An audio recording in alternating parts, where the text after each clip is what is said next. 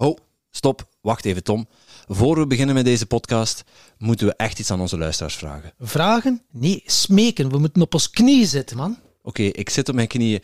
Beste luisteraar, als je dit hoort, zet deze podcast even op pauze, want wij zijn genomineerd voor de Belgian Podcast Awards en we hebben jouw stem nodig. Ga naar www.timtompodcast.com en klik op de link voor de Belgian Podcast Awards en stem. Of ga naar onze Instagram en klik op de link in bio. En als je al gestemd hebt, zet hem ook op pauze en stuur het naar iedereen die je kent, want wij willen echt winnen. Het zou ons ongelooflijk veel deugd doen. Tot over 30 seconden.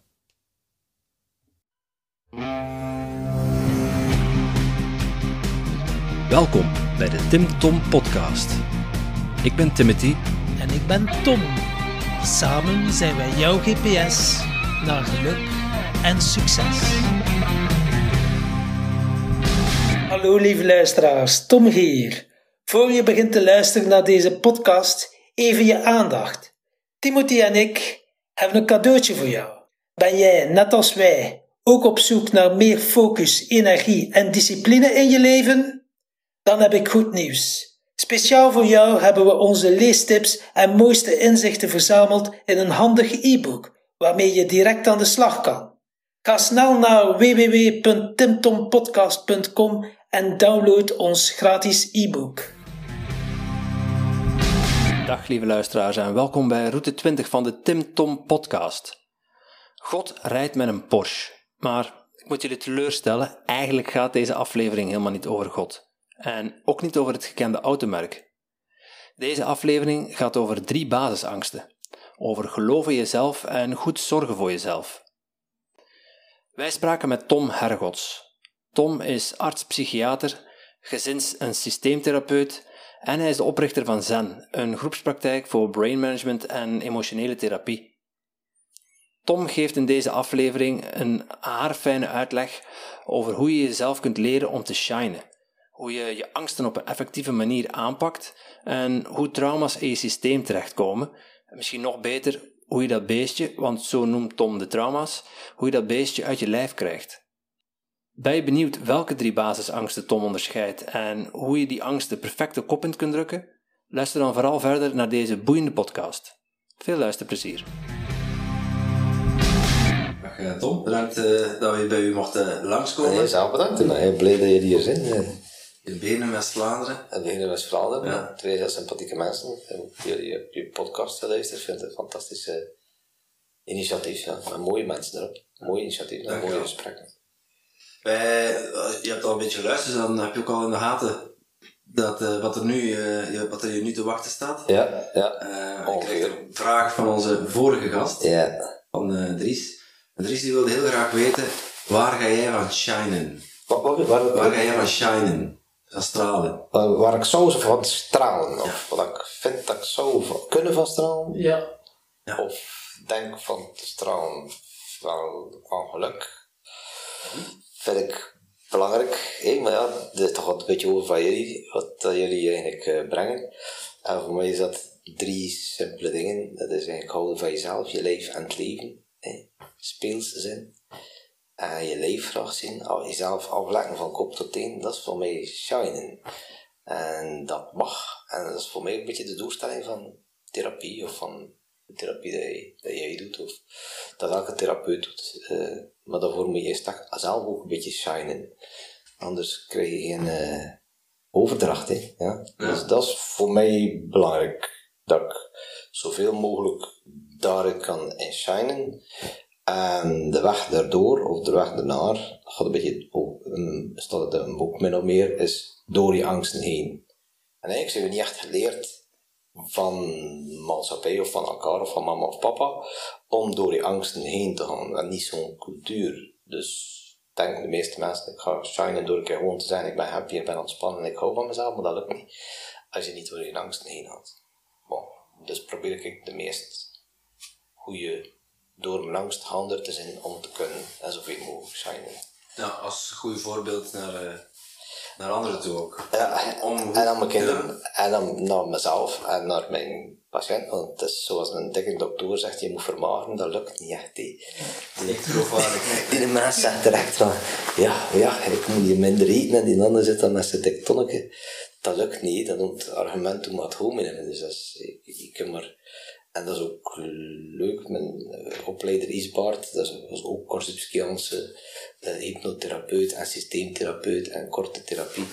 Eh, man die, die zei ook van, als je niet eh, werkt aan jezelf op de juiste manier, of als je niet door die angst heen gaat, dan, dan kun je niet shinen.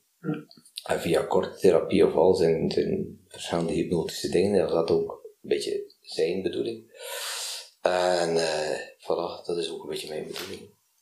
En je zegt, je moet door je angsten heen gaan. Ehm, kun je daar een, een concreet voorbeeld van geven bij, eh, bij jezelf? En je zegt van, ja, ik, ik sta zelf, vol zelfvertrouwen in het leven en Ja, ehm, ja, ik shine. ja. Eh, welke angsten heb jij al moeten overwinnen om, om dat te bereiken?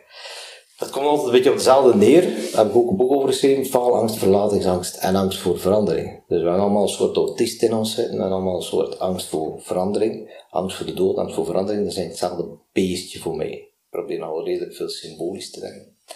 En dan, eh, als je wilt, eh, angst voor verandering. We noemen dat autisme. hè. Dat, of ik noem dat een beetje autisme.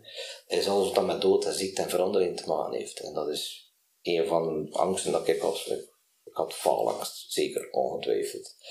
Ik durfde zelfs op een 12-jarige eerst slechte communie, denk ik, niet voorlezen. Dus ik veinsde een. Wat was het weer al dat ik veinsde? Ja, eh, verkoudheid of zoiets. Hè? Moest ik dan met familie uit dus de Sinterklaasliedjes zingen, dan had ik buikpijn, maar ik voelde die ook verder. Dat was echt een buikpijn. Dus ik, op dat gebied had ik zeker faalangst. Dan in het loop van je leven, ja, student zijn en dit en dat, dan ga je ook al een beetje door die faalangst heen. En ondertussen kan ik zeggen, als ik een voordracht geef of voor 400 mensen sta, dat de meeste mensen dan zitten te lezen, dat ik zelfs niet meer met mezelf bezig ben en die faalangst eigenlijk wel voor mij redelijk dood is. Als je iemand anders kunt invoelen terwijl je zelf iets aan het doen zit dat je vroeger heel bang voor was, ja, dan heb je die angst ontsnapt en dan zit je in invoelvermogen. Dus dat is een voorbeeldje van faalangst. Ja. Had ik die? Tuurlijk had ik die. Heeft iedereen die? Ja. Heb ik er nog? Ja ook. Ja. Maar ik word er elke jaar fantastisch veel beter in om dat beestje de nek om te draaien. Dus al de, deze mensen die hier werken worden redelijk goed of zijn redelijk goed in speel met die angst. Want ja, er zijn goede angsten ook. Hè. Ik ga niet parachute springen, zie ik niet zitten. Ja. Skiën graag, snowboard je graag.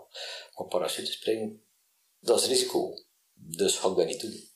Dus dat is misschien heel veel geld geven voor een goed doel. Hè, maar dat is dan weer, hè, dat is dan weer, hè, dat ga ik misschien dan even afwegen. Hè. Maar normaal gezien zou ik dat niet, dat is een gezonde angst. Maar ja, faalangst, zeker dat. Verlatingsangst, iedereen heeft dat.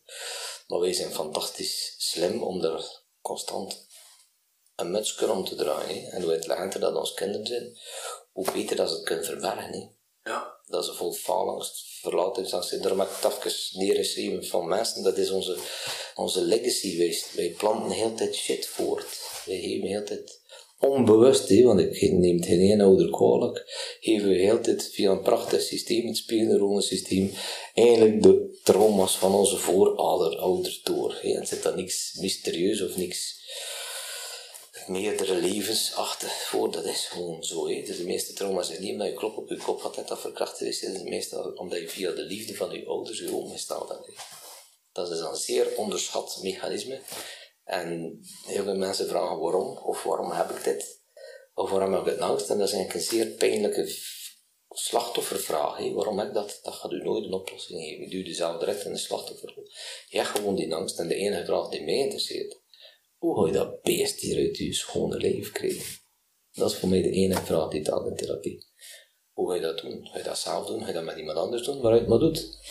Dat is voor mij het belangrijkste. De waarom-vraag duwt u direct in, Ja. in het verleden en duwt u direct eigenlijk van, moet dat hier verstaan of moet ik ergens toch wel ergens in mijn verleden verkracht of misbruikt zijn? Dat is niet altijd nodig. Zelfs meestal niet nodig.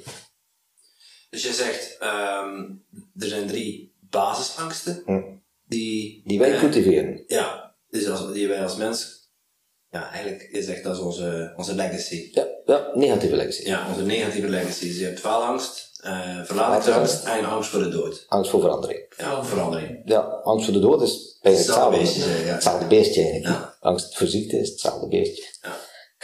Dus er, valt, er, er is een hoofdcategorie en er vallen heel veel subangsten onder uh, je kunt er allemaal in steken. Ja. Er is geen ene die er niet kunt insteken. Dat is, dat, dat, ook, er lang over nagedacht. We doen al twintig jaar uh, zware traumatherapie met mensen die heel ernstig misbruikt of vernederd zijn. Je kunt je niet inbeelden. En dan met die mensen heb ik gewoon gedacht van, hoe gaan we dat hier doen? Hoe gaan we die maken dat, die, uh, dat jouw verleden permanent eruit is. Want ik had ooit een vraag gekregen van iemand dat ik totaal niet wist wat ik mee moest doen. En dat was van, ja, waarom snijd ik mezelf eigenlijk? Wat is de mechaniek daarvan? Mm -hmm. Snijden. Snijden, waarom, ja, waarom snijd ik mezelf? Dat is eigenlijk uh, een mooie vraag en ik wist daar geen antwoord op. En we snijden onszelf omdat we eigenlijk pijn heel tijd proberen weg te krijgen met pijn. Dat is onze cultuur, dat is onze legacy. Maar, uh, dus, uh, dus als je zoveel spanning hebt, dan, dan, dan drink je voldoende, wat dat ook pijnlijk is in het begin, dat doet ook wel pijn, dat doet eigenlijk ook je brein pijn, maar dat doet je wel in je happy kind, he. met alcohol, met antidepressiva, drugs, zit je onmiddellijk in die drie dat de gezegd heb, met shining. Ja, iedereen die drugs gebruikt, shined, ja. die, die is direct happy, zit in zijn speelsheid, uh, die zit direct ook in zijn leefliefde, want als die dan even met een dik tonnetje zit, dan één keer veel gedronken, en dat dik tonnetje, hij toont dat één keer, heeft er totaal geen schroom over. en hij begint te dansen als een klein kind. Dus, uh, dus dat is, uh, dat, is, dat, is, uh, dat, dat, dat, is een van de wegen, de wegen naar, naar Shining. Mm -hmm. En ik versta dat, want dat is een scheikundig zeer kortwerkende en een zeer efficiënte manier. Het probleem is, hey, zoals de boeddhisten zeggen, als je wil weten wat dat de zielenzaligheid is, dan moet je gewoon twee whiskies drinken op vijf minuten tijd en dan zit je erin. Maar als die uitgewerkt is, dan kom je in de hel. Dus dan zijn uw angsten, uw woede en uw verdriet gewoon groter. Groter dan ervoor. Groter zelfs. Altijd groter dan ervoor. Dat is is bijna wetenschappelijk bewezen. Dat die, dat, en als je ervoor voor wegvlucht, uh, dan, hey, je noemt het beestjes. Ja. Die beestjes die groeien eigenlijk als je er geen, uh, niet, niet, de juiste, niet de juiste manier mee omgaat. Dus als je ze wegsteekt in een hoekje en, en, en ja. nou, je klem of gebruikt drugs. Ja. En wij, onze kinderen worden eigenlijk slimmer in het wegstoppen. Dus als je een, serie ziet, zoals Game of Thrones, wij hadden vroeger Dallas, daar zat er zo één slechterik in, JR, met een zo'n beetje redelijk oppervlakkige manipulatieve manieren die heel diep opvielen. Maar daar zie je nu in één keer dus duizend en één machiavellistische trucken voor onze kinderen, hoe dat ze moeten manipuleren, draaien en keren. Dus ze worden alleen maar slimmer. En doordat ze ook slimmer zijn en slimmer worden, worden ze eigenlijk slimmer in het wegsteken van een angst en er minder mee te doen. Het is allemaal geraffineerder, een beschermingsmechanisme om niet naar die angsten te gaan uiteindelijk. Voilà. Is, dus, dus, je wordt beter in vermijden, je wordt beter in controleren, je wordt beter in manipuleren, je wordt beter in, in, in uh, behaagzucht, de anderen bespelen totdat je ook jezelf weggeeft of hem eventueel manipuleert. Dus ons kinderen worden eigenlijk slimmer, maar emotioneel daarvoor niet slimmer. Mm. En dat is een miserie. Dus ze worden wel cognitief altijd maar slimmer. En we zijn heel content als ze slimmer zijn, maar dat is eigenlijk een nadeel, want als ze heel gevoelig zijn, hoogsensitief, dus veel empathischer zijn dan Dutroux bijvoorbeeld, die dus nul empathie kan hebben, dat is geen zoogdier, dat is bijna een roofdier, zou je kunnen zeggen. Dan heeft het empathische helemaal niet de definitie van een psychopaat. Uh, dat is de D, dus hoe meer dat je in die house zit, de 5% Dutroux, ja, dat is een emotionele handicap. Nee? Die kan nooit in een volleybalploeg spelen, dan kan die ander niet aanvoelen. Maar neem nu dat je een gevoeliger zit en meer, meer zoogdierder, dus meer dolfijner, want de dolfijnen zijn de meest hoog en sensitieve dieren ter wereld. Dus hoe meer dat je eigenlijk gevoelig zit om grief, distress of verdriet of angst op te stapelen in je leven dus net die kinderen die dan hooggevoelig zijn, ja, hoog in het die zijn juist deze die waarschijnlijk veel opstapelen. En eigenlijk niet goed weten dat ze die hun angst moeten lossen. En net door hun intelligentie emotioneel zeer onintelligent worden. Zie? Versta je? Ja. Ik, uh, is... Doordat ze zo gevoelig zijn, en die prikkels zijn zodanig uh, sterk aanwezig, moeten ze wel een manier vinden om dat ja. uh, niet zo hard te laten binnenkomen. Ja, en dan gaan ze nog cognitieve, controlerende, intelligente vermijdingsstrategieën en verdedigingsstrategieën die nul, die nul efficiënt zijn. Mhm. Dus tegenover verdriet, angst en woede zijn ze nul efficiënt. En verdriet, angst en woede zijn drie emotionele systemen die een tijd Panksepp heeft mooi onderzocht met heel veel beestjes hun hoofd open te snijden en er kabeltjes in te stoppen. En er zijn maar zeven emotionele systemen. Dat zijn de drie, ik noem dat de drie yang-systemen. De drie vechtsystemen. Die eigenlijk 0,0 happiness geven. Shining, nul. Dus als je daar een kabel in stopt, bij distress bij dieren in, in die systemen, of bij de systemen van angst, of de systemen van woede, pure woede, uh, dan had een dier er één keer op duwen op dat knopje. Een ratje gaat één keer op dat pedalje duwen en dan toek. Dat is, dat de leegte dat sommige mensen over vertellen als ze zeggen ik ben thuis en de leegte overvalt mij. Of ik ben verlaten en de leegte overvalt mij. Of mijn kind is overleden, het strafste dat je maar kunt tegenkomen. En die leegte, die zuigt mij helemaal op. Dat is omdat je constant eigenlijk in die drie systemen zit. Er is geen één dier die dat twee keer op doet. Maar als je dan bijvoorbeeld op de Shining systemen doet, op uh, playfulness, of op, eh, want playfulness produceert cannabis, cannabinoïden, en uh, liefde voor je lijf, lust noemen ze dat in het dierlijk systeem, produceert codeïnes, morfine-achtige stoffen. En de empathische, dus knuffelen, warmte, genegenheid. Zijn dat dan de neurotransmitters, zoals ja. dopamine en zo? Die, die zitten in die systemen. Dus de systemen, ik vind het leuker van mijn neurofysiologische systeem te werken, zoals ze nu toch meer en meer naar neurofysiologie, dus de toxiciteit van stress zit dan meer in de neurofysiologie dan eigenlijk puur. We hebben er zoveel meer van die stoffen in teruggemerkt, zoveel tekort van die stoffen in teruggemerkt, dat is leuk, maar dat is neuroanatomisch. Dat is, dat is gewoon zien van, ja, men daar een tekort gezien. En terecht, zoals een farmaceutische industrie heel goed doet, zeggen we een tekort van bepaalde stoffen of neurotransmitters, we gaan dat boeken gewoon opvullen. Dus een simplistische manier van denken, maar het is een manier van denken geweest om een aantal antidepressiva erop de, maar dan denk je niet echt neurofysiologisch. Meditatie, hypnose, is neurofysiologisch. Dus je werkt met een ademhalingstechniek. Je hebt net die koude warmtetherapie gedaan. Dus je werkt eigenlijk met je lichaam. En je gaat naar het orthosympathische, je voelt je heel scherp staan. En dan ga je naar het parasympathische met een heel diepe relaxatie. En zit je in de hemel. Hè. Zit je heel diep, diep relax. En die drie shining systemen brengen je automatisch in de hemel. Dus hoe hooggevoelig dat iemand is, hoe meer distress dat je kan opstapelen in zijn leven. En hij denkt dan, dat hangt van mijn hooggevoeligheid af. Maar dat is niet echt zo. Je bent gewoon meer gevoeliger om stress op te stapelen, omdat je gewoon empathisch zit. Je bent een liefdesdier. Dus Dutroux zal er geen last van hebben, van nu heel cru te zijn, als voor zijn ogen zijn eigen kinderen uh, zouden doodgeschoten worden. Ik zeg niet dat dat zo zal zijn, ik ken die de mens niet, maar geef maar een symbolisch voorbeeld.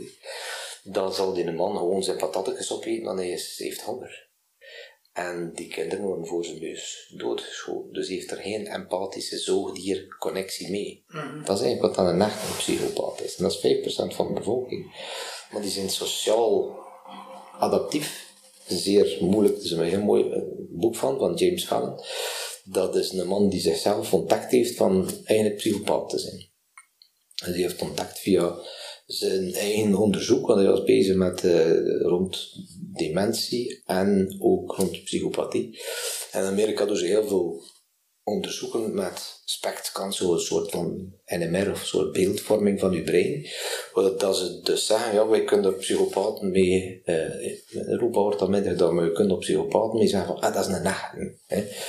En hij had per vergissing een onderzoek meegedaan met zijn eigen brein rond dementie, maar ja, per vergissing zijn eigen kop tussen die gestolen van psychopaten en hij zag dat hij een ongelooflijke psychopaat was. Dus hij heeft zichzelf dan laten onderzoeken door collega's en hij was niet empathisch. Zijn kinderen zeggen ook, ik kan niet empathisch zijn, ik kan ons niet invoelen. Maar hij was opgevoed bij een ongelooflijk liefdevolle gezin.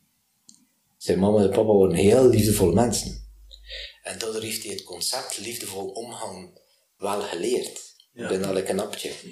Maar zegt hij, kan het niet, maar voor hetzelfde had, had ik dus destructieve, negatieve ouders had, dan had ik eigenlijk een fantastische goede Psycho, ja. een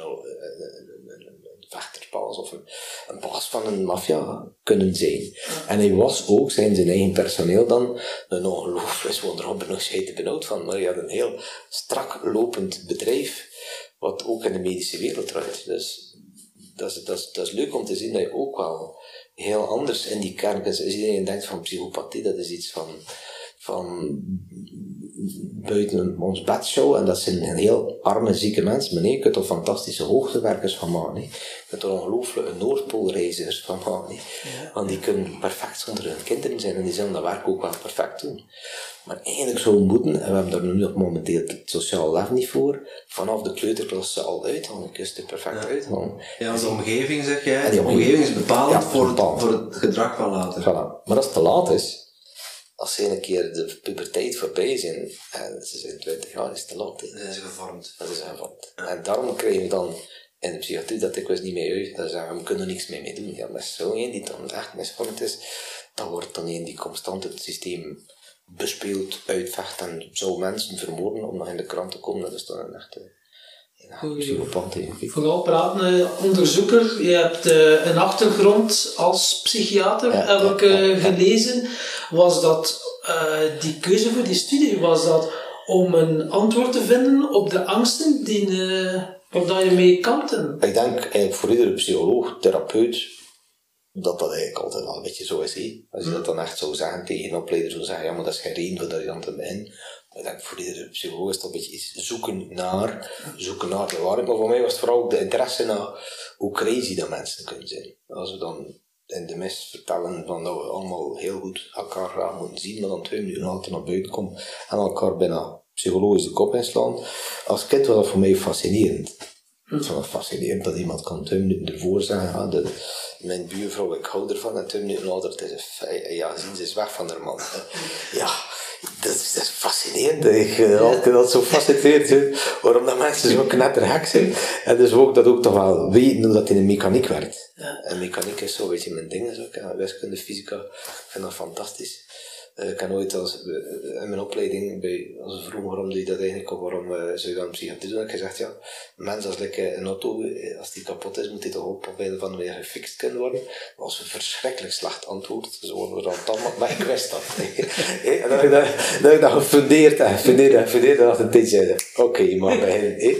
Maar het is wel een beetje zo, wij hebben een soort mechaniek dat we zelfs niet kennen of doorhebben. He. De, de mechaniek van dat Shining, die drie mooie systemen, dat wordt zelfs niet onderricht in de psychologie. He. Dus onze psychologen zijn nu bezig met één wetenschappelijk vak, volgens mij, en dat is statistiek.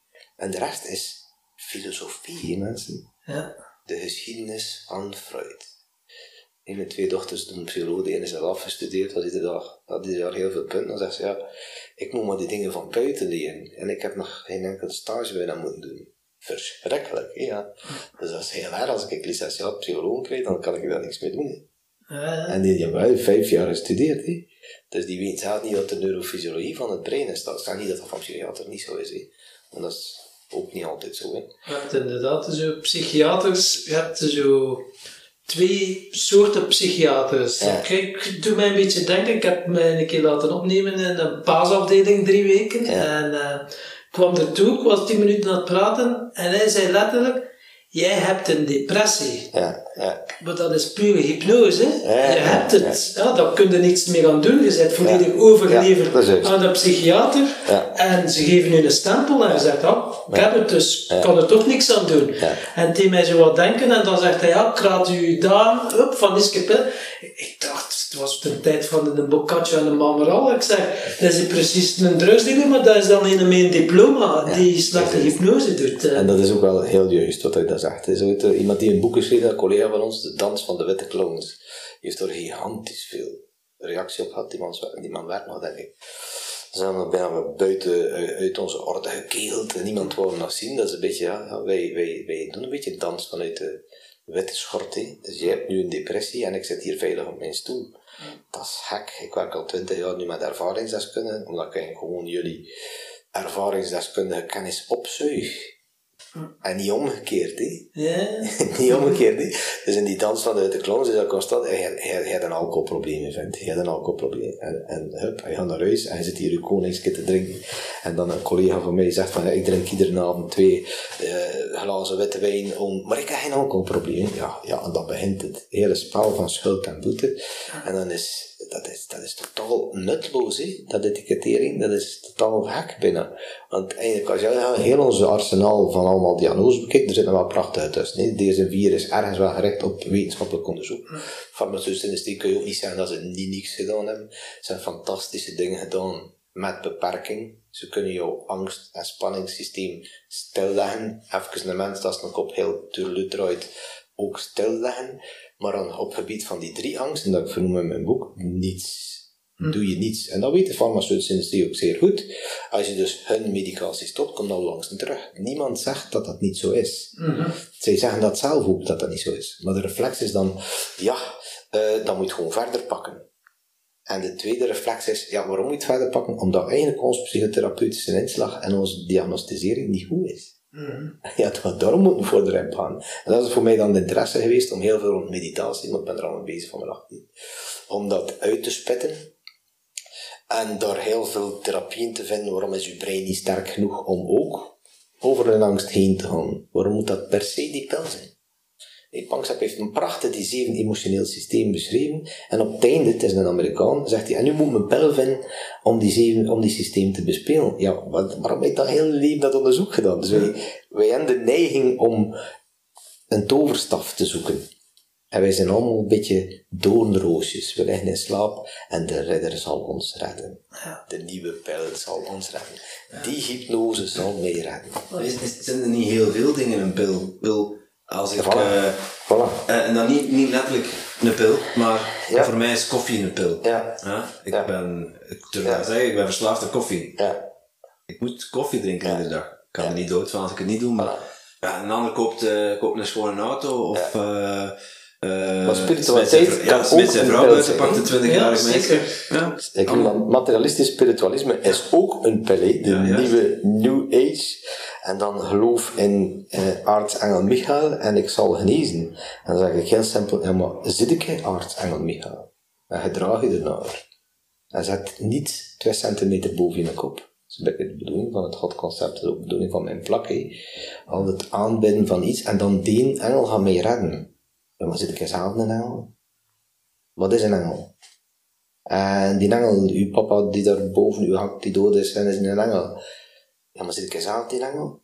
Waarom moet je via een waarzegger of iemand anders nog een keer gaan horen van uw papa dat hij u vergeeft? Zit ik zelf uw papa? Voor uzelf. En internaliseer ik het en pees ik goed. Wat zou hij nu zeggen tegen mij? Maar kindje, leeft. Nee. En danst. En herinner de mooie dingen. Voilà. Waar- waarom doe je dat niet? Waarom heb je daar iemand anders voor nodig? Waarom heb je daar zelfs een therapeut voor nodig? Waarom heb je daar een, iemand die een medium is voor nodig? Er zijn knettergekke mensen die dus we hebben altijd iets nodig hebben, zijn altijd iets boven ons. Maar dat is ook logisch. Versta dat even, we zijn zoogdieren, dus we zijn altijd de mama en papa. We zijn verslaafde mama's en papa's. Vroeger was de paus en de koning. En nu beginnen we al te zeggen dat die een paus, ja, dat is ook geen effect. Twee papa's. Twee papa's, Maar twee papa's, twee mama's. Ja, dat is het, het leuke aan de echtscheidingscultuur, dat je nu eigenlijk vier oma's en opa's hebt. Dat is toch zalig? Je hebt dus vier verschillende opleidingen op mensen met vier verschillende opinies. Vroeger had je maar twee. Ja. Mama en papa. En dan nog onder de, het eerste gebod van de kerk. Eert uw vader en uw moeder. Het huis van pedofilie. Doe je mond niet open, want dat zijn hoden. Ja, je kunt de zoogdier niet meer kui aftrekken door dat te doen. De combinatie van men al zo hoesten voor een mama en een papa hebben. En dan zeggen, ja, je mag nooit iets kwaads denken van je mama en papa. Want dan zal die een barmhartige neer door, dat vroeger onze God was, u straffen. Ja. Wat zou de kind dan gaan zeggen? Ik word hier misbruikt door mijn eigen vader. Men heeft het eerste gebod gezet. Hij mag niet roeren, hij heeft er zeker niets verkeerd tegen zeggen. En we zijn al, men al de neiging voor zoogdieren te zijn en mama en papa te adoreren. Dus dat is het, dan creëer je perfect huis om pedofielen alle garanties te geven van doe maar hè. Dat is het eerste gebod. Eerst uw vader en uw moeder. En dat is zeer moeilijk voor dat om te doen. Hè. Vandaag was er nog iemand En dan, uh, die, die, die, die heeft een goede, toffe mama gehad, maar die, die heeft hem heel zijn leven, als heel jong kind, ongelooflijk. Dat is een lerares, die zijn er ook soms slimmer en beter in, om hem emotioneel heel sterk gekleineerd. Dus faalangst, die kun je niet inbeelden. En hij zegt, kan constant hier een stemmetje in mijn kop zijn. Dat is bijna het stemmetje van zijn mama. En als ik dan zeg van, we gaan een keer uh, werken op mama, he, een keer uh, zeggen dat eigenlijk een, uh, een tv Oh, nee, want ik, mijn mama heeft dat meegemaakt en ze heeft ook dat meegemaakt. En nee, dus ze pakt roep aan, de pijn, pijn van mama. En nee, want ik moet er bijna compassie gaan hebben met mama. Ja, maar wat heeft jouw innerlijk kind daar een boodschap aan? Niets. Dus weer een verheerlijking van de pijn. En die man had dat op een moment door dat zei, tu, ik ben hier heel de pijn aan het verdedigen. Mijn kwetsuurkant, mijn gekwetste kant, die dat zuster mama gekwetst heeft. Ik zeg, wat wil je? Wil je shinen? Of wil je kwetsuur blijven zitten en je slachtofferding? Want mama weet dan niet dat je in dat kot, of in die meditatietechniek, in die dynamische meditatietechniek, dat is wat we graag doen, dat is dynamisch mediteren. Dat is zoals als je doet in een boomkruid met schroeven of zoiets, hè. Maar, hm. maar dan echt gerecht. Dan zeg ik van, eh, mama is dat niet in dat kot. Hè. En zelfs katholieken dreigen dat ik zo ver, als ik dan zou boos zijn, dan gaat die anderen eventueel er ziek van worden. Dat is pas Gods, godswaanzin. Dat is pas grootheidswaanzin. Denk je echt nu dat je met jouw voeden, dat je mee kunt vol met negatieve energie doen? Dat is echt grootheidswaanzin. Dat is godswaanzin. Maar eraan denken van ik ga nu op die dader werken en het kind die eronder versmacht is, bevrijden, dat zit bijna niet in onze cultuur. Dat is een van de, de redenen is dat het eerste gebod. Mag je niet kwaad zijn op, op je vader en je moeder. Het Stockholm-syndroom is dan een beetje bijna hetzelfde. Ik zei tegen die mensen, dat bijna het Stockholm-syndroom. Want eigenlijk ben je heel het denken van ja, maar mama dit en mama dat en dat. Dus je kruipt in het hoofd van de dader. Zeg, wanneer ga je beslissen, wat wil jij? Wil jij shinen, shinen? Wil jij je hart beschermen? Of ga je deze blijven beschermen? Onbewust, totaal onbewust, die jouw hart gekrenkt hebben. En dat is een heel moeilijke beweging. Wil jij dit? Ah, nee, ik moet dat, ik moet dat, ik moet dat. Vanuit angst. Zeg ja. je maar één ding. Als er één moeten is, is dan alleen maar het kind tegen jezelf beschermen. Niet? En zijn het dan je eigen gedachten? Of zijn het dan de dingen die je met de paplepel zijn inge... inge zijn inge... mijn woorden, met de paplepel zijn ingegoten. Ja, ja, ja. Dat, dat, die, die, die, die spanningen, die angst. Die... Uh, dat verdedigingsmechanisme. Dat ja. Ja, mocht dat niet zijn of mijn moeder. Ja, ja, ja, ja, die zitten direct in, dat is cultureel. Hè heb je minder bij de Eskimo's, hè. Zeg maar iets. En die hebben dan ook, ze zitten er allemaal onder één laken, allemaal in de bloot en ziet dat het hoort geen pedofilie. Maar bij de Eskimo's vroeger had je geen pedofilie. Want zij geloofden niet in dat soort eert uw vader en moeder en gebod zijn schuld- en boetesystemen. Dus dat is heel interessant om dat eens te zien en te vergelijken met andere regionen of met andere bevolkingen. Uh, maar hoe dan ook de meeste culturen vernietigen zich meestal zichzelf. Dus we hebben iets echt destructief in ons mens, menselijk ikje. En dat is ook een beetje de reden wat dat een boek over had. Dus we hebben de, kracht van de taal gekregen, van het denken. En daardoor zijn we fantastische verhaalvertellers en ingenieurs geworden. Daarom een fantastisch België met fantastisch veel banen en ziekenhuizen om de 10 kilometer. Dus dat is de Romeinse ingenieur in ons. Die heeft luxe tot en met. En dat is fantastisch dat als, jullie niet wegpakken, nee, daar gaat het hem niet over. En we hebben dan een ongelooflijke troubadour in ons, die eigenlijk zoekt politiek, hoe gaan we de vijand vernietigen. Nu dan, ik weet niet uit Harari gelezen dat is heel leuk, dat is de Homo sapiens van Harari, dat is een bestseller nu. En de Homo sapiens en de Homo deus. dus we hebben eigenlijk, vanaf dat de Neandertaler ons bij ging plakken, de taal op een of andere manier gevonden, afgesproken met elkaar hoe gaan we de, de, de leeuw dood doen? Hoe gaan we de Neandertaler doen? En we hebben maar amper een soort, een soort 5% van de Neandertaler in ons DNA zit. Dus we zeggen dat we hem zeer goed hebben willen dooddoen. En we zijn er ook zeer efficiënt in. Dus het enige dat wij, post-chimpansees zijn wij heden, ene keer ons hoofd zetten op een, op een vijand. Hè. Wij zijn fantastische predators. Hè. We zijn altijd de hoofdpredator van deze planeet.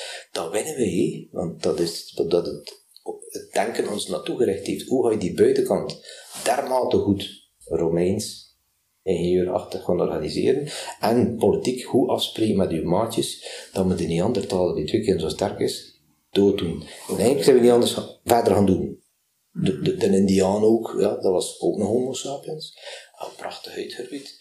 Eh, veel van onze collega homo sapiens hebben we uitgeroeid, de, dieren. Maar nu staan we in keer aan de top. Dus dat super roofdier, die super predator, die eigenlijk angstige kwaaie naap, staat nu in één keer aan de top van een ongelooflijk mooie natuur en merkt van, oh, ik ben de boel om zeep aan het halen. Dus ik toch niet moeten naar binnen gaan. En dat is een heel moeilijke beweging voor heel intelligente mensen.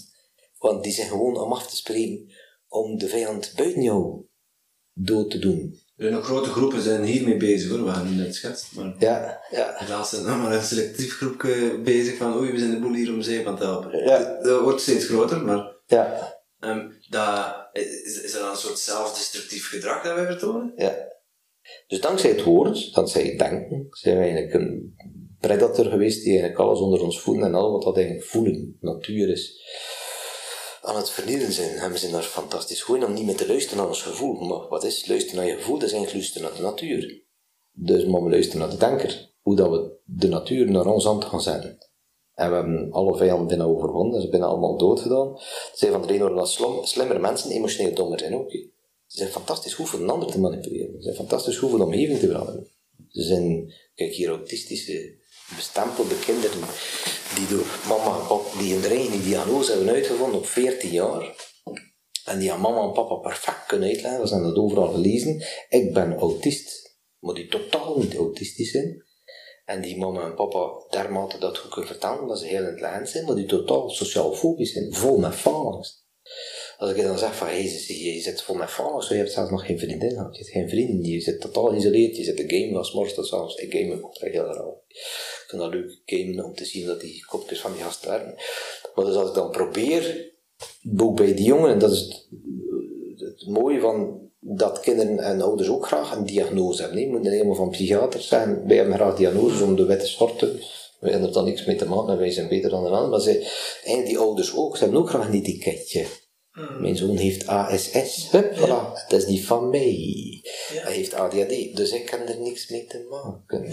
Dus wat ik dan omdraai, aan deze sessie al, mevrouw, meneer, ik wil uw zoon wel eventueel relatine geven, omdat in school iedereen een heleboel meedraait, maar ik, ik zal wel dan vanaf nu uw terugdealer zijn van uw zoon. En ik wil in terugbetaling dat zowel mama als papa in therapie gaan. Bij mij. En in therapie gaan, dat wil zeggen jaar, jaar en een half, hè. Uh, hoe ook waarom? Dat is een jaar, jaar en een half. En die ouder die afhaakt, daar praat ik niet meer mee. Waarom? Die houdt niet van zijn kind. Dus waarom moet je dan nog een boodschap aan aanbrengen? Mijn taal is liefdestaal, dus ik wil niet meer met die mensen babbelen die gewoon zegt van, wil ik het niet, wil ik mijn zoon een etiket geven? We hebben allemaal graag een etiket. Het is weer met datzelfde denkertje daar, hè. Die ander, die leeuw, dat is de vijand. Waarom die leeuw dooddoen? Ah ja, hij heeft ASS, zodat je zei, hij heeft depressie. Ja. Ja, ja, ja, dat kotteke. Moet daar niks met min te maken. Hè? Ja. Een paar pilletjes en ik ga het dan oplossen. Maar de ouders, wij allemaal doen dat zeer graag. Hè? Ik kom dan af met, en, en, en zelfs die kinderen soms zelfs, hè, die intelligent van 14 jaar, ik heb autisme. En hij nu. En dan ben ik deze die dat even moest zeggen, hij zit eigenlijk vast, hij, hè, en probeer dat je rustig over te brengen. Maar dan weer een keer is het niet geslaagd. En die gast dat zodanig, je moet dat een keer inbeelden. Zijn vader na dat gesprek gemanipuleerd. Meestal vraag ik dan de ouders apart. Omdat ik weet dat dat een ongelooflijk slim gewicht een kleine naap is. Hè? En dat mag, dat moet hij ook zijn. Hé, maar hij is 12 jaar en nog geen dag binnen aan school gaan. Hij was wel super intelligent. Is getest geweest. Een IQ van 160. Geen probleem. Ja? Maar dermate slim dat hij zijn eigen diagnose aan zijn ouders verkoopt om eigenlijk niet te moeten naar school gaan. Niet te moeten een examen brengen. Is dat geen faalangst? Tuurlijk dat faalangst. Om ook niet moeten naar buiten te gaan en vriendjes te ontmoeten en door zijn angsten heen te gaan. Dus die was zo slim en s'avonds belt zijn vader naar mij om te zeggen, nee, nee, nee, nee, mijn zoon heeft gelijk. En dan noem ik eigenlijk een subtiele vorm van oudermishandeling. Eh, mijn zoon heeft gelijk, hij heeft autisme. Je hebt niet gelijk dat hij faalangst heeft en dat hij, ik had heel rustig en mooi vertaald, en dat hij sociaal eigenlijk wat fobisch is en dat hij onzeker is en wat verlatingsangst in de kindertaal natuurlijk. Dus mijn zoon, ik zeg meneer, ik ben nu vijf, het was ook toen 52 waarschijnlijk, ik heb 20 jaar toch al tot mijn 30 gestudeerd en u gelooft uw zoon Proficiat, zeer goed. Ja. En dat is inderdaad wel het Zijn missie geslaagd. Missie geslaagd. Dus uw zoon is baas over u, bespeelt al uw angsten, maar als je wel komt, wil ik u dat leren hoe dat hij dat doet. En in welk systeem dat hij inspeelt, dat hij slimmer wordt dan uw zoon. Maar hij vindt dat uw zoon van 14 jaar veel slimmer is dan deze man van 52, die om de week hebben wij hier 250 tot 300 mensen die passeren, per week, zonder wachtlijsten, zijn proficiat neer. Ga verder en vermenigvuldigt u. Ja, dat is eigenlijk fantastisch. Maar je ziet dat het van alle kanten komt, die intelligentie. Dat zowel de psychiater ook intelligent is om kotteken uit te vinden. Dat ook de ouders heel graag een kotteken hebben. Om Ja, ook zeker. hun, hun Als ze zoiets zeggen- hand... Als ze zoiets zeggen van, ik heb autisme, nee, nee, je hebt het niet, je doet het. Je kan doet zeggen, het. als je zegt, Je ik, het. doe, ik doe verslaafd, Ja. dan kun je er iets aan doen. Maar als je zegt, ik heb een verslaving, en wat dat we ook doen, is een depressie. Maar dat zijn dingen die geen dingen zijn. Je hebt bijvoorbeeld Ja. een kat in een stoel kun je vastnemen en loslaten. Maar een depressie, een verslaving, Ja, dat is een proces. Maar dat is geen ding. Nee. Je kunt moeilijk naar het containerpark gaan en eh, zeggen, ah, dus toen maar bij het grofvel en nu verslaving en depressie maar bij het mentaal afval. Dus je marcheert En niet. met daarom keer ik graag terug tot die drie basisangsten, want die zijn wel hanteerbaar. Die kun je er wel uitgooien, kloppen, roepen, dieren, ademen, hypnotiseren enzovoort. Die kun je er wel uitkrijgen. Die zijn hanteerbaar. Die zijn van de dieren. De angst is van de beesten. Zijn gewoon scheiden benauwd. En heel je darmen zijn aan het opkrampen en je blaas is aan het opspannen omdat je eigenlijk scheiden benauwd zit om dood te gaan. Dus je kunt er eigenlijk fantastisch mee spelen. Vandaar lichaamswerk, hypnose. Dat is de manier om het te doen. En dat is de weg om eigenlijk met angst te spelen. Eh, dus dat versta ik u compleet en dat kan ik u heel goed volgen. En eh, ik kan mij zo wel voorstellen dat je niet meer alle collega-psychiaters over die Dat dingen kunt vertellen. Dat ik denk dat dat wel... Eigenlijk plots reduceer ik al de diagnosen die ik niet leuk vind als diagnosen, die kottekes denken zijn en dat eigenlijk niet hanteerbaar zijn. Moet maar een keer op je kop krijgen. Nee, meneer u, of mevrouw, u hebt borderline persoonlijkheidsstoornis. De vuilbakdiagnose, wat we eigenlijk mee zeggen, we kunnen niks met jou doen, madame. Je bent een ambetante trace. Eh, we gaan je nog een groter etiket geven. We gaan zeggen dat er met jou niks te doen is en dat je nog zelfs aan de rand staat van de maatschappij en van emotioneel, en ga je heel je leven emotioneel instabiel blijven. Maar een borderline persoonlijkheidsstoornis is iemand die gewoon zeer veel vers- verschillende soorten van angst heeft en die hoogte zal altijd om de vijf minuten, omdat ze zo onzeker en gepakt en geprikkeld is. En als je dan weer terugkeert naar de basis van die drie angsten, dan kun je eigenlijk elke diagnose die wij nu vellen als een zijn-staat, gaan zeggen, hé, maar die angst zit eronder, die angst zit eronder. En ik zeg dan heel arrogant in de eerste consultatie altijd, "Mm, mevrouw, meneer, ik ken geen een van die drie angsten die niet weg kunnen. Ik kan u direct iemand opbellen en ik wil u zeker alle soorten angsten opbellen en die gaat zeggen, ja maar dan, ik ken hem niet meer. Dus hij is weg te krijgen en men gelooft er geen luisteren natuurlijk, niemand gelooft. Maar ik versta dat ook, want je zit nog je denken. Ja. Dus geloof je op de deur niet van die angst kan weg. Je gelooft dat niet. Er is geen een van die drie die niet weg kan. En dat is tenminste hanteerbaar. Dat is bespeelbaar. Ga je dat doen? Ga je ermee werken? Wilt u dat doen? Dan weet het natuurlijk niet op voorhand, want die persoon moet dat ook willen. Wilt hij uit zijn koppetje? Wilt hij uit zijn doornroosjes-syndroom? hè? De redder zal mij redden. Of wilt hij lekker in zijn Peter Panneke zitten? Ik heb geen zin om verantwoordelijkheid te nemen tegenover de spanning in mijn leven. Dat is voor mij fantastisch. Hè? Dus bij mensen is het, of dat je nu gelooft dat het kan, of dat het niet kan, je hebt altijd gelijk. Het is altijd gelijk. En het gelijk is wat dat we zo graag hebben. Ja. En gelukkig, en dat is voor mij dan de, de dit is nu de tijd van het godconcept. hè. Dat is het godconcept, daar is een site van, dat is wat mijn boek op staat. Maar ik noem dit het godconcept een goede mama en papa leren zijn voor uzelf. Dat zit in geen enkele cultuur. Maar dat godconcept hangt ook samen met de tand van deze tijd. Je mag nu je overtuiging in vraag stellen. Etienne Vermeers, ik heb vorig jaar gezien, zes maanden voordat hij overleden is, ik kan hem ook graag had, die zei over mijn boek. Maar is toen zes maanden later dat is de man die eigenlijk ons heeft geleerd. Mensen, heb je er al keer nagedacht hoe dat, wat dat je er voor dommigheid doet met jezelf en met je nageslacht als je gelooft in een barmhartige God, die dat als snoepjes uit te delen als je braaf geweest bent en die je naar de hel stuurt als je stout geweest bent. Dat is leuk of dat goede Lucas ons geleerd heeft omgaan met seks. Dat zijn, dat zijn de goden geweest die onze cultuur, onze West-Vlaamse cultuur hebben veranderd. Die gezegd van, hé, hey, stel een keer, verhaal een keer van je leven, hoe het is, uh, iets informeers. Ja, maar stel een keer je beeld over God in vraag. En dat is nu de leuke tijd nu is, dat iedereen constant zijn overtuiging mag loslaten. Wij worden daar redelijk goed in, hè? wij Europeanen. Uh, we stellen ons geen verdere vragen van, dat was zo. Wij waren er redelijk goed in, de wij, tijd van de oude Grieken. Wij, wij worden daar redelijk goed Wij worden daar redelijk, wij worden redelijk goed. Wat bedoel ik? Dat we nu mogen al de, de paus in vraag stellen. En zijn beelden, hij zelf is al aan het twijfelen, is er wel een haal. Hij heeft laatst gezegd, de haal zou misschien niet meer introduceren, want we weten altijd, zei die zoiets van, ja, pedofilie is toch satanistisch. Ja, dan moet je een beetje weten wat hij wil natuurlijk. Hè.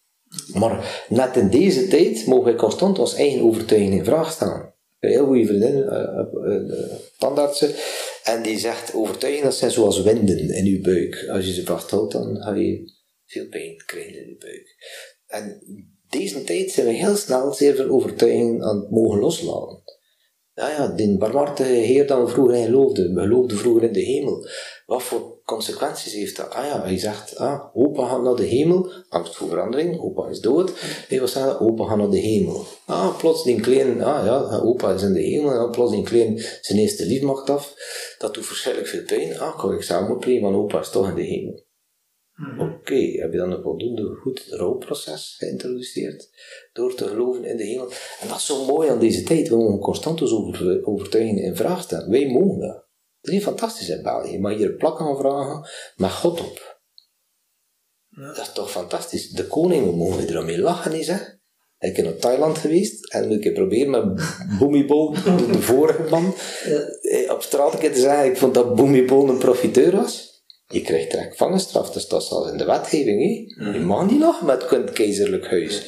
Wij mogen hier lachen met onze koning. Hoe sterk is onze koning dan niet? Met blasfemie? Nee, koningslast. Ja, hoe, hoe, sterk is die mens niet? Die is dus veel sterker dan Boebibol zijn zoon. Want die is zo'n groot ego, met zo'n veel valangst, dat, is zelfs, dat zijn onderdanen niet mogen kritiek hebben. Hoe zielig zit dat niet? Maar hier mogen we dat. Dus in België is er iets leuks aan de hand. De Europese mens mag nu ieder jaar veranderen van overtuiging. Ieder jaar heb ik andere overtuigingen. En de vorige waren minder goed, dus ik laat ze los. Dat vind ik al op zich een hot concept. Dat vind ik een hot tijd hier. Uiteindelijk een, eh, een, uh, overtuiging is niks anders dan een vergissing in perceptie.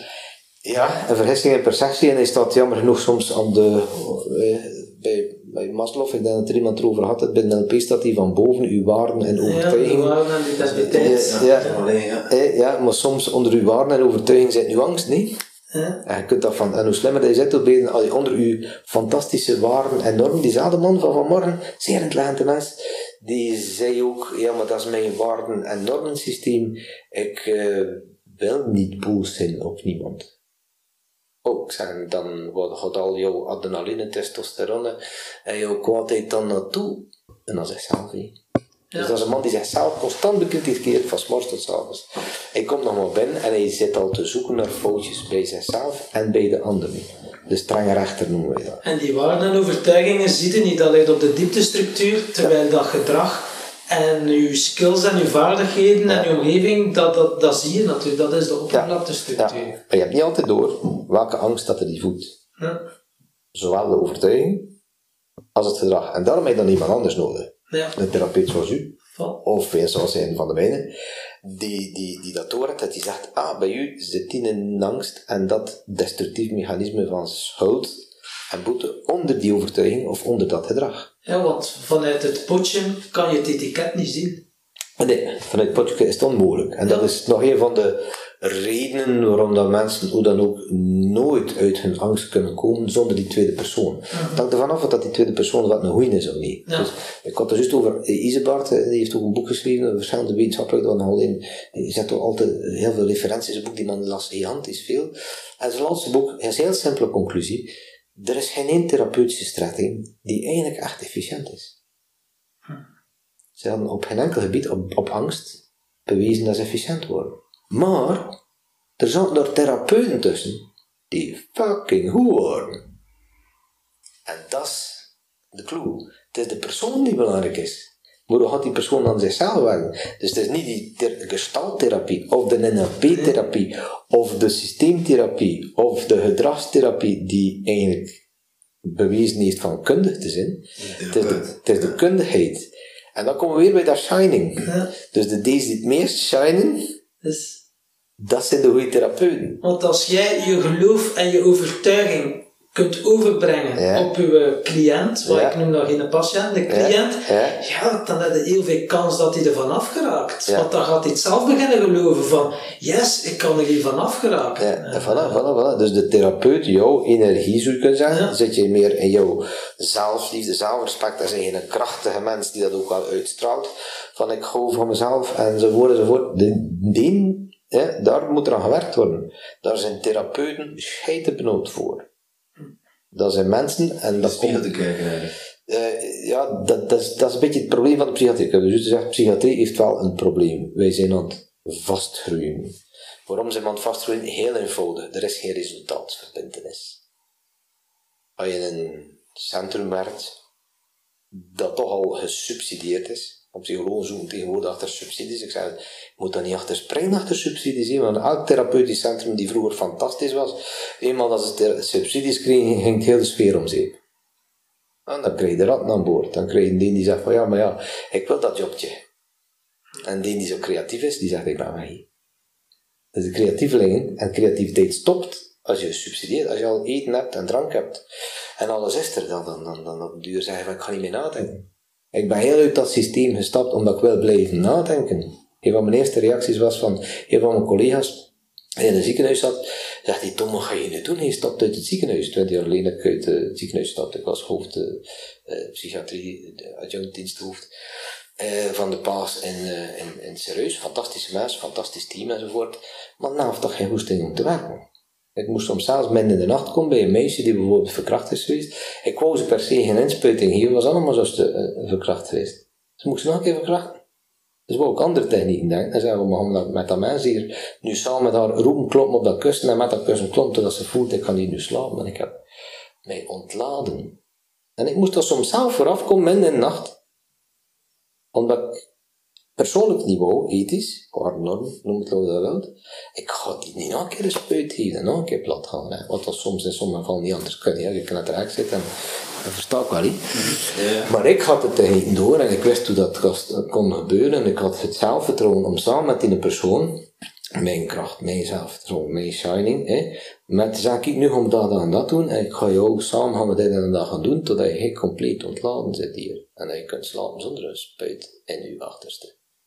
Ik moest daarvoor speciaal afkomen in de nacht. Dus zeggen van, ik zie dat niet meer zitten. Dus ik had om duur een stuk of vijf, zes ervaringsdeskundigen die zelf heel veel paniek en angst hadden gedaan.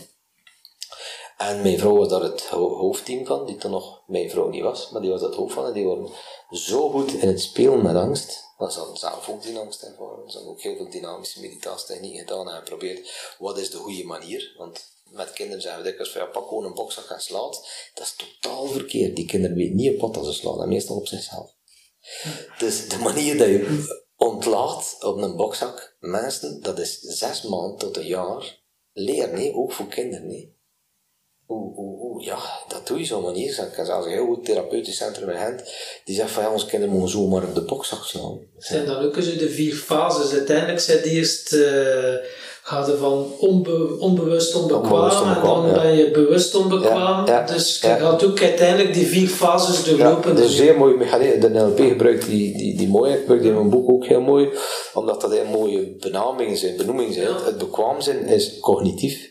Het, be- het bewust worden, excuseer, is cognitief. Ik, ik, ik heb een inzicht over mijn angst, of mijn spanning, of mijn stress, of hoe dat ik mezelf pijn doe. Maar hoe word ik bekwaam om die angst of die spanning daarmee te spelen, dat ik hem niet meer heb, of mijn schuldgevoel los te laten. Schuldgevoel laat je niet los door zomaar verheving of op een biechtstoel te gaan zitten. Nee, met alle goede bedoelingen zijn dat goed geprobeerd. Dat is cognitief, dat is materialistisch, maar het werkt niet. Dus het werkt niet. schuldgevoel is, is, dat is kwaad zijn op jezelf. Dat is jezelf pijnigen. hè. Dat is jezelf castreren. hè. Eh, We we hebben nu uitgebreid gehad over die angsten. Mhm. Ehm, maar heb je misschien een aantal concrete tips Mhm. voor onze luisteraars hoe, dat ze, hoe dat ze daar zelf mee aan de slag kunnen? Mhm. Ehm, want er zijn ongetwijfeld mensen, we, onze luisteraars zijn veel bezig met persoonlijke ontwikkeling, Ja. die bij zichzelf al ontdekt hebben van, Ja. ja, ik, heb, ik heb last van faalangst op die Ja. en die momenten. Wat, wat kunnen zouders daaraan kunnen doen? Ja. Ik zal een simpele metafoor gebruiken die, die wij gebruiken om iemand te zeggen wat dat een beetje het verschil is van emotionele therapie en meditatie, mindfulness en gedragstherapie. We gebruiken het allemaal. hè. Tegenwoordig is alles een beetje holistisch. Maar als iemand met, met hoogtevrees, dan gaat de gedragstherapeut zeggen, we gaan gewoon in confrontatie. Dus we gaan gewoon opzoeken en we gaan iedere keer een stapje hoger gaan op die ladder. Niet juist. Maar er zijn een aantal gedragstherapeuten die dat al door hebben. Nee? Ja. Dus die gedragstherapeutische confrontatie en stel je aan uw territorium, dat, dat, juist, dat doen wij ook. Eh, maar wat dat we niet doen is eerst in de mens leren hoe kun je heel diep ontspannen. En hoe kun je zelf met die angst spelen. Zodat je die berg kunt opgaan, maar totaal niet in die angst belandt. Dus hoe kun je heel aangenaam, liefdevol, ontspannen, relaxed, maar goede met technieken en met veel zelfvertrouwen maken dat die angst geen seconde zelf in uw lijf terugkeert. Niet op 5 meter, niet op 10 meter, niet op als je op die berg staat. En dan kom weer met die shining. Dus je moet al lachend die berg kunnen opgaan. En de, totdat je boven staat op die berg en eigenlijk nog altijd aan het lachen zit. Fuck, dit is leuk. Ik ben aan het genieten van die wind in mijn haar. Maar als je zegt confrontatietherapie, zoals als de meeste mensen zijn constant in die pijn. Eigenlijk doe je dat een, hond nog niet aan. Dat is precies als je met een hond met een leiband zegt, ik ga er nu aan trekken. En ik ga er aan trekken totdat die hond door zijn exposure geen angst niet meer hebt. Maar eigenlijk is dat kindermishandeling, dierenmishandeling, mensenmishandeling. Want op een bepaald moment zijn de stoffen in de kop niet meer aanwezig om nog angst te hebben. Maar heb je dan die angst voor hoogtevrees er compleet uitgehaald? Nee. Wat Sanderdags, als hij daar weer zit, dan ga je hem weer opnieuw bovenal. Want hij is niet geherprogrammeerd. En dat is voor mij dan de emotionele therapie. De Lucas amygdala, dat is het moederbord die eigenlijk alles onthoudt. Dat is uw Unix-systeem, zou je kunnen zeggen. Die kan niet crashen, maar die onthoudt op dierlijk emotioneel niveau, in dierentaal, alles wat hij ooit meegemaakt is. Dus uit een dierentaal ooit is moeten omdraaien. En niet in mensentaal. Dus u, eigenlijk uw reptielenbrein. Dat is eigenlijk ons, eh, ja, dus ook een reptielenbrein, maar de zoogdieren en de dieren hebben het ook. Hè. Dus het reptielenbrein is de zeer snelle reflexen. Die zit nog iets dieper, dat is, dat is de fight, flight, freeze reflexen die razendsnel kunnen opkomen. En die worden onthouden. En hoe ontwikkelder dat een dier was, hoe meer dat het eigenlijk kon onthouden en herprogrammeren. En dan aan zijn kinderen doorgeven. Bij dat moet je freezen, bij dat moet je weglopen, bij dat moet je rustig worden, enzovoort. Dus aan elke geur hangt gewoon, of elke klank, fight, flight, freeze of rust. Peace, shining. Dus voor ons, we gaan alleen maar op jacht. Van waar zijn fight, flight, freeze, die uw leven belemmeren? Welke technieken? Dat kan trauma release exercise. Dat is schudden noem je dat. Dat is, eh, eh, bijna een soort eh, spelen met dat gevoel nadat je een orgasme hebt dat je benen zo helemaal glibberig zijn. En ze hebben er heel leuke technieken van gemaakt. Ik had dat vroeger niet bij mensen die zeer zwaar misbruikt zijn. technieken om eigenlijk hun seksueel systeem weer in gang te steken. Hè. Maar doordat we zo heel veel diep konden gaan op angsten, dan was het op een bepaald moment wel belangrijk om dat in gang te steken. Dus zag ik dan in één keer die, die techniek fantastisch, we gaan dat ook proberen bij een aantal dingen. En gewoon implementeert dat om eigenlijk samen met die mens zijn fight, flight, freeze reflex, die een eeuwig geheugen is. Eén keer dat je een fight, flight, freeze reflex hebt en die hangt aan die geheugen vast, dan gaat die dat, gaat dat blijven onthouden. Dat is de defensie van de dieren. Maar als je in deze kunt herprogrammeren en herinstellen, zoals je het doet met hypnose, of dat we het doen, waar je zeggen, de persoon zelf moet maar zelf doen. Ja, dat is voor mij om te even of dat hij dat dan zelf doet, als hij maar door die angst heen gaat en eigenlijk zijn dierlijk geheugen vertaalt. Ja, maar de volgende keer moet je niet meer zo bang zijn. Maar dat kun je niet met een woord. hè. Dat doe je met een therapeut. Als een therapeut een heel, heel zelfvertrouwen heeft, heel veel warmte en kracht en liefde uitstraalt, dat is de kracht waarmee dat hij die ander meepakt. hè. Dat zijn niet die woorden altijd. hè. Je kunt geen hond compleet gerust staan met te zeggen, maar je ziet toch een lelijke beest. Hè. Maar jouw, jouw liefdevolheid in je stem, dat is het belangrijkste. Nee, dat is niet in die taal. Ja, en altijd kwispelen en... En altijd kwispelen, leuk. Ja. Dus op dierlijk niveau, dat is dan niet altijd reptiel niveau, maar op dierlijk niveau zijn woorden totaal zinloos. Dan heb ik dat ik zeg van, maar dat moet niet te veel vertellen wat je allemaal meegemaakt hebt in je leven. Nu vandaag interesseert me niet, want anders ga je met schoon kopen naar huis. Ik zie ook al hoe je bevroren zit. Ik zie ook al dat je seksueel bevroren bent. Je ziet dat dat ruikt van je non-verbale communicatie af. Dus je hoeft er niet over uit te wijden, maar dat zijn woorden. Maar, let op, eigenlijk dat je je woorden en je troubadour houdt, dan moet je wel weten dat je dat emotioneel systeem optrekt.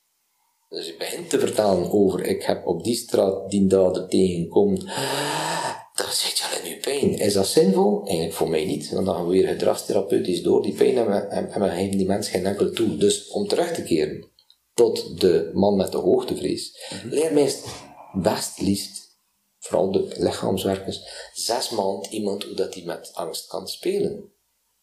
Dat die elke vorm van angst is van tot paniekaanval, en dan begin ik graag met dynamische meditatie, omdat dat technieken zijn die altijd werken. Die altijd op 10 seconden tijd uw angstaanval doet stoppen, en niet de mindfulness techniek, want die zijn soms te zwak. Zoals je zou zeggen, ik heb een angstaanval, ik ga kruiden geven. Nee, bij een zware angstaanval helpt uw mindfulness techniek niet. Want het is een ademhalingstechniek. De hond die immens gespannen is, ga je ook niet met aaien tot rust krijgen, want hij staat te plassen in zijn broek. Die doe je spelen met een balletje, doe je goed neder worden. Hè.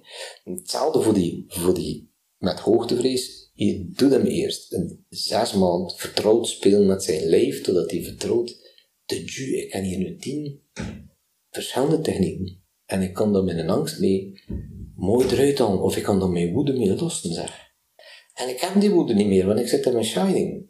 Of in mijn innerlijke kind, die drie emotioneel systeem, dat is eigenlijk een. Die gewoon zijn dikwijls te veel bezig met symboliek, innerlijk kind, maar die drie shining systemen, yin systemen, zouden de Oosterse zijn, hè, dat zijn je liefdesysteem, daar, dat, die zijn belangrijk, die, dat zijn de deze die ons voeden en dat we naartoe willen. Hè omdat alleen maar uw angst voorzit. Dus als die dan maanden geleerd heeft om met zijn lijf te spelen, en hij vertrouwt op een eerste lijf, hij zegt, oh ik kan mijn angst er zelf uit krijgen.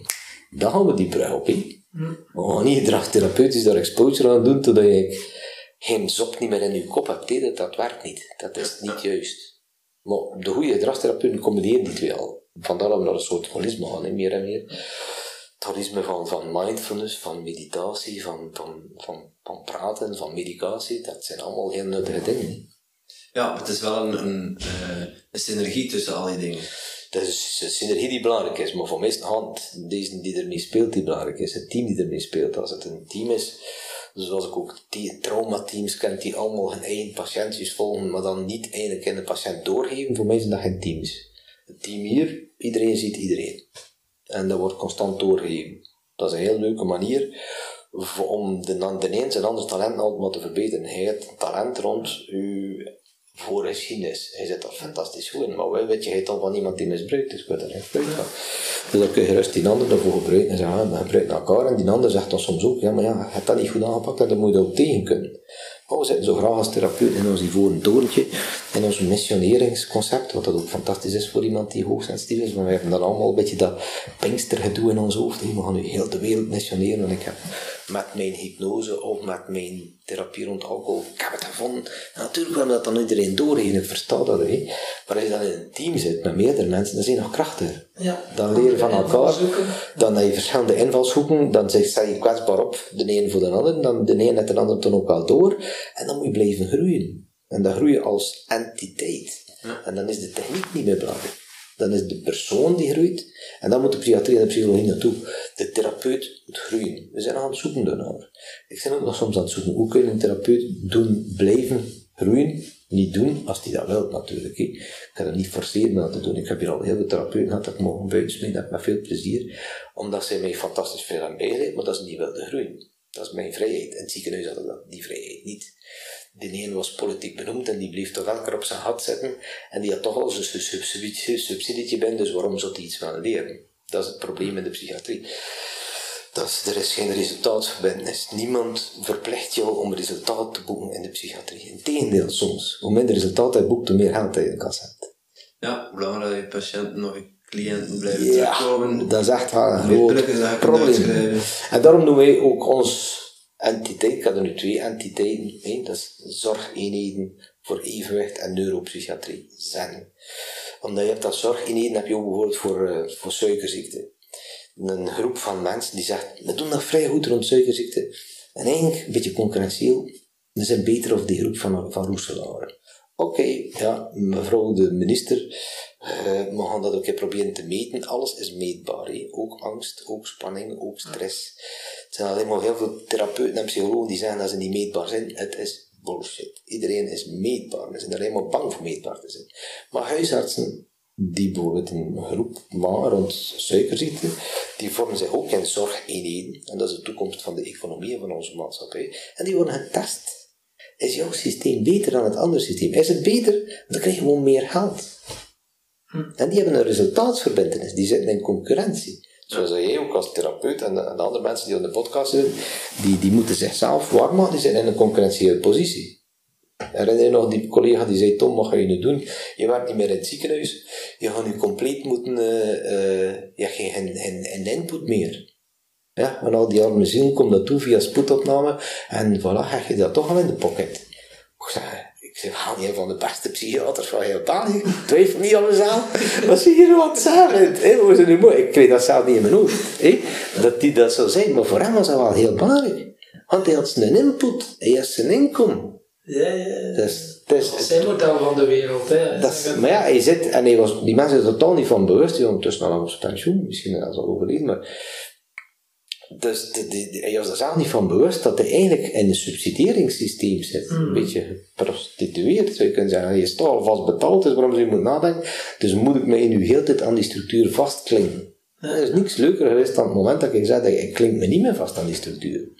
Ik, kom, ik, ik ga nu therapeuten van die, die, die alleen maar willen verbeteren. hè, alleen maar willen nieuwe dingen uitproberen. We schrijven ons soms in, incognito als loodgieter en, en elektricien. En een ander, in in een weekend, wat dat zijn, op één weekend uw angsten verbeteren. Ik zeg, ik ga dat doen, ik moet dat weten. Hè. Eerst dat is dat goeroïsme, hè. dat is geen probleem. Hè.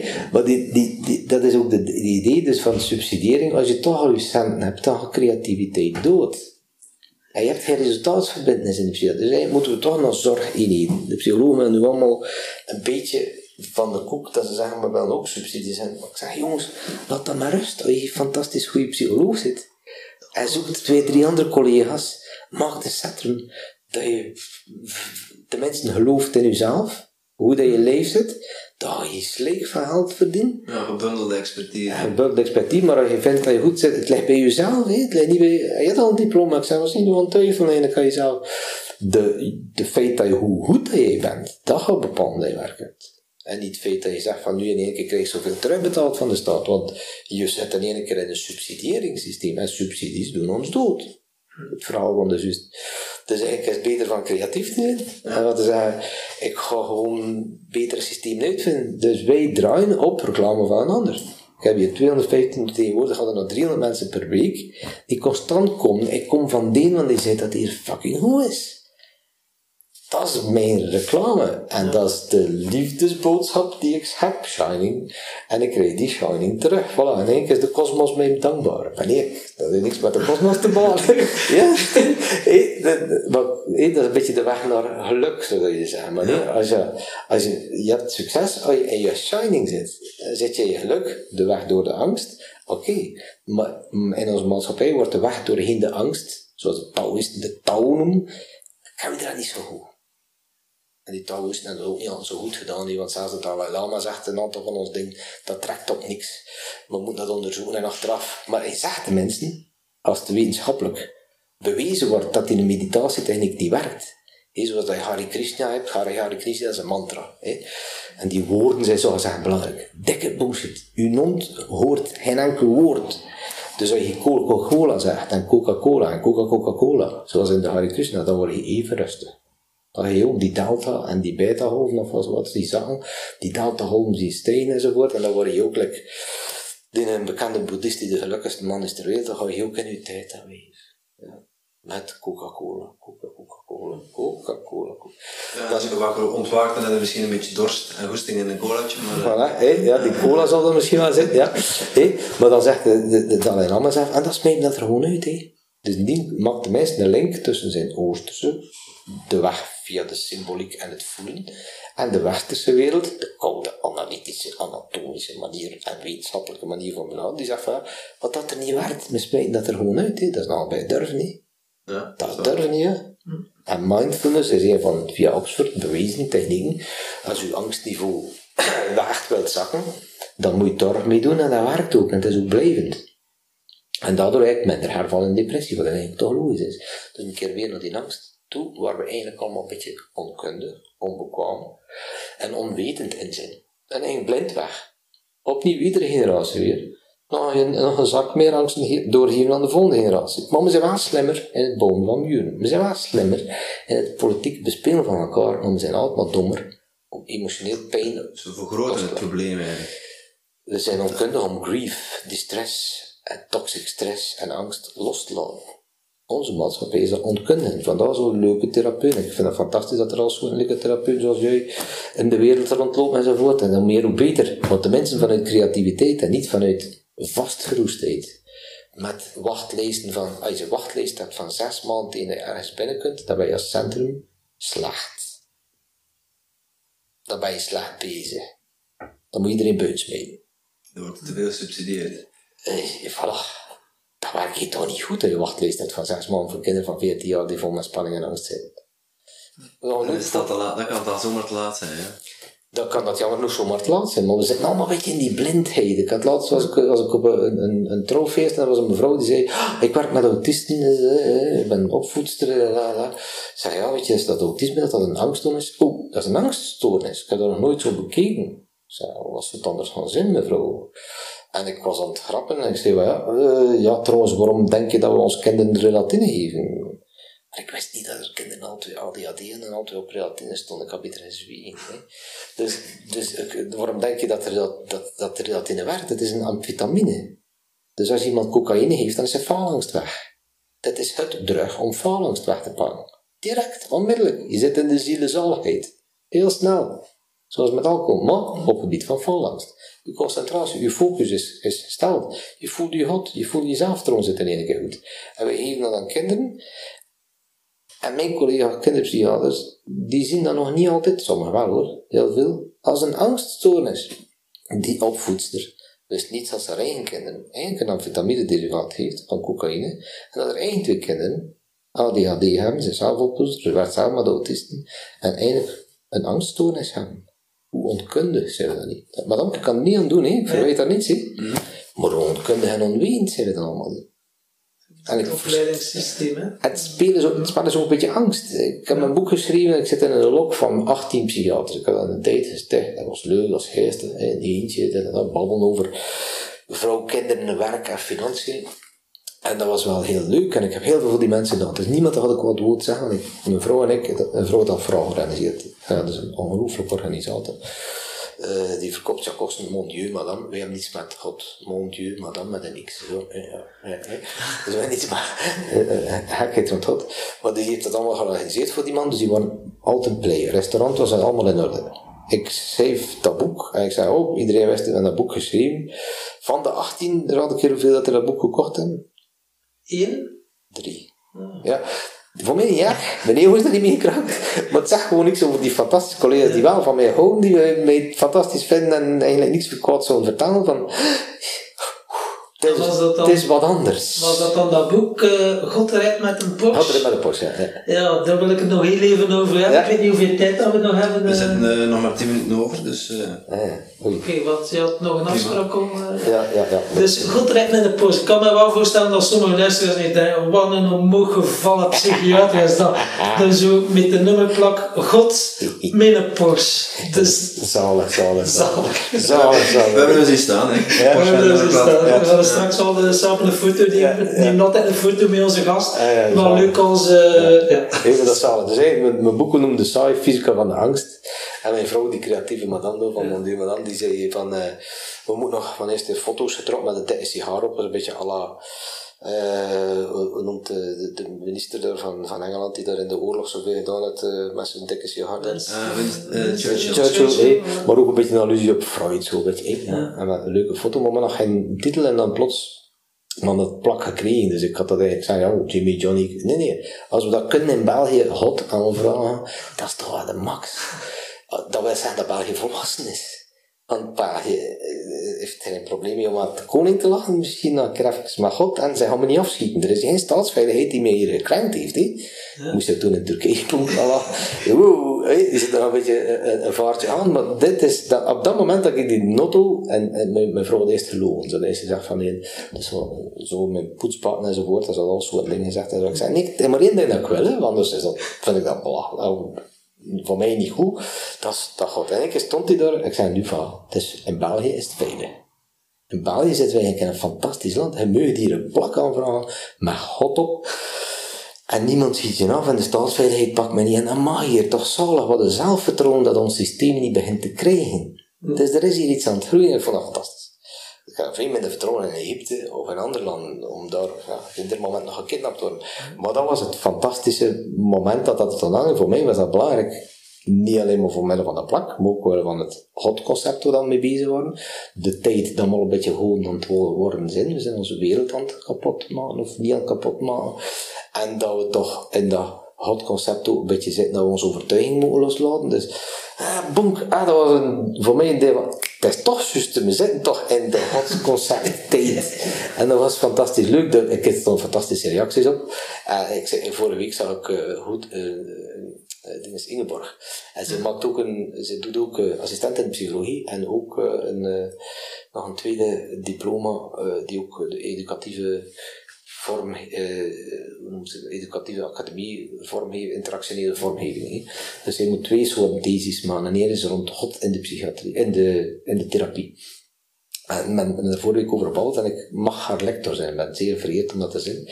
Eh, maar daar ook zei ik van ja, we mogen dat nu momenteel in vraag stellen, ons, ons godconcept in vraag stellen. Dat is eigenlijk toch wel een zalige tijd dat we dat nu mogen doen in, in deze tijd. Eh, en, en, en de reacties dat ik dan heb, en ik zei het dan tegen Ingeborg ook, hè, voor- als je in die notto zit, weet je dat, ik wil niet meer dan, of zo liefst zo weinig mogelijk dat mensen hun goeroes vergoddelijken, maar dat ze zelf hun goeroe worden. En dat is dan ook zalig om, als je in zo'n auto zit, van, dan moet ik even denken, wat zou God nu doen, moest in die auto zitten? Gaat nu rapper in, neer in? Ga ik die voorbij laten of ga ik hem niet voorbij laten? en op die dat dan zo zegt, God dan ook. Ik mag dat niet doen, want ik ben God. Dus dat is eigenlijk heel leuk om een keer echt God te zien. Maar je moet dat een keer durven, hè, man. Je moet dat maar een keer doen. Maar dat is zeer uitdagend. Hè. In plaats van hem ergens boven te staan, zit hem een keer.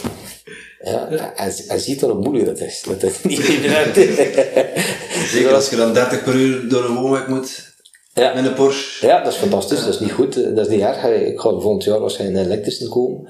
Eh, dat is voor mij dat ideaal. 30. Dat hoeft niet sneller te zijn. Dat is niet sneller, maar Nee, nee, nee. de uitdaging ligt er. De, Voilà. de, de verleiding dus, kijkt altijd nog ook. Hè. Ja. Ja, maar dat is ook weer de goddelijke macht. Ga je al die macht gebruiken. Ik ben ook iemand met redelijk veel eh, strijdlust. Dus ik heb ook eh, in, eh, binnenkort mag van mijn sensei tweede dansen in drie verschillende strekkingen. Hapkido, Jiu-Jitsu en Kempo Karate.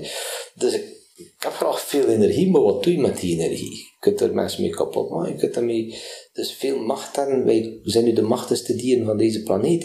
Hoe gaan we dat hier beredderen? Door nog altijd kleine angstige Peterpannetjes te zijn, of doonroosjes, of ro- roodkapjes die denken dat het hier allemaal fantastische wezens zijn en dat, we, dat er geen wolven of geen vampieren en zombies rondlopen. Ja, voor sommige mensen is dat wel waar natuurlijk. Ja. Ik ben er nog geen tegengekomen, maar eh, het zou zomaar kunnen. Ja, Ehm, rode draad door onze, door onze podcast is eh, geluk en succes. Ja. Ehm, je bent eigenlijk de podcast al begonnen met, met een soort definitie van geluk. Ja. Want uw shiny, Ja. shining Ja. is voor u al geluk. Ehm, maar heb je daar concreet voor onze luisteraars een, een definitie van? Van wat, wat voor jou geluk betekent? voor, voor mij betekent geluk in die playfulness, speelsheid. Heel belangrijk. Lachen. Maar meer het lachen. Nee, niet zoals eh, Robin Williams en dan van binnen zijn verdriet vasthouden en zich ophangen de op op het einde. Het is niet veranderd door te lachen. nee. Het is om in eigen hart en in eigen ziel en in eigen leven te doen lachen. Ja. Dat is, dat is voor mij geluk. En dat is onze verantwoordelijkheid, dat is mijn verantwoordelijkheid. Sommigen zeggen dan nee, je moet het verdriet omarmen en al van die dingen. Dat is weer zo'n beetje, nog een beetje neo-katholicisme, maar je mag het geluk omarmen ook. Hè. En dat, eh, daar zijn er trucjes voor en er zijn er mensen voor die dat kunnen helpen. En er zijn er al soort manieren voor. En dat is jouw verantwoordelijkheid om erin te zijn. Dat is al. En automatisch volgt succes. En, want je kunt maar in je passie zitten Als je in je shining zit, in je playfulness, in je speelsheid, in je glimlach, in de glimlach van je leven, dan zeg je van, ik kan niet gaan fietsen van een middag. Dan was het nou, orgasme zeg. Hè? kind die vier jaar is, dat doet constant orgasme, zie. dat is dat scenario in de wind, dan kijk mama, je wil eens die fiets, nee. hè. Dus dat is voor mij shining, dat is voor mij happiness, en wij zijn er verantwoordelijk voor. Hè. Ja. Hebben we dat niet geleerd? Ik vind dat niet erg dat mensen dat niet geleerd hebben. Ik vind het ook niet erg dat collega's dat andere mensen ook niet leren, maar we moeten het doen, hè, mensen. We gaan dat moeten leren. En de weg naar succes.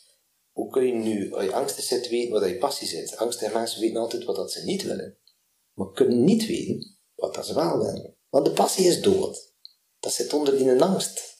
Dat, dat monster is zodanig groot dat die passie dood is. Dus hoe kun je dan gaan evolueren succes? Hoe zal de kosmos naar jouw richting komen met geluk enzovoort als jij niet shine? Er zal geen toffe mens uw partner worden als je jezelf niet aflegt van kop tot teen.